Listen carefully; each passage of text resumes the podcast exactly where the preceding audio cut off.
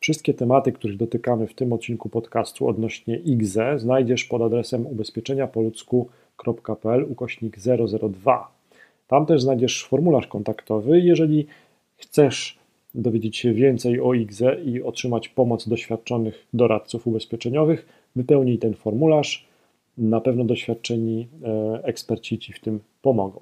Miłego słuchania. Na pewno wiele osób szuka w internecie informacji na temat rankingów IGZE i jakby Mhm. y, co myślisz o takim rankingu IGZE i w ogóle jak, jak do tego podchodzić i jak na to patrzeć? Jak taki ranking jest robiony zwykle, jeżeli, jeżeli możesz się podzielić?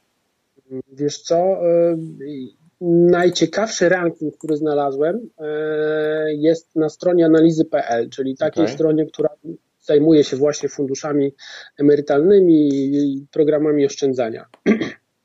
I tam jest kilka, y, tam jest kilka parametrów, które, które redaktorzy, którzy to tworzyli, biorą pod uwagę. Tak? Jednym z takich parametrów jest mm, efektywność pomnażania pieniędzy. Tak? Dobra, no, no. E, I w tym i w e, 2019 roku fundusze inwestycyjne e, TFI Generali e, w tym e, zakresie zajęły pierwsze miejsce.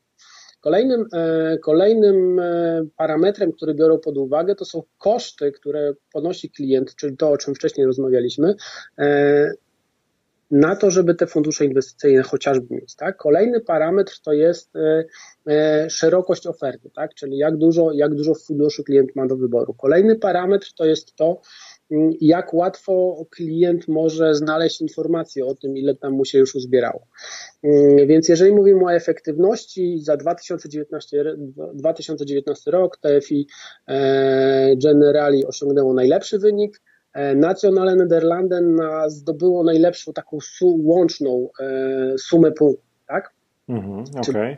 Inne, inne parametry spowodowały, że, że Nationale Nederlanden zajęło pierwsze miejsce. Ja tutaj mm, cieszę się, że, mm, że Generali i Towarzystwo Funduszy Inwestycyjnych od wielu lat e, jest, e, jest w czołówce, jeśli chodzi o właśnie te pomnażanie pieniędzy naszych klientów. Okej, czyli rankingi IGZE generalnie mówi, że są ok, natomiast trzeba e, troszkę jednak umieć je czytać i Tak. e, na konkretnych, e, jak to ładnie się mówi, KPI-ach, czyli e, parametrach e, się skupiać.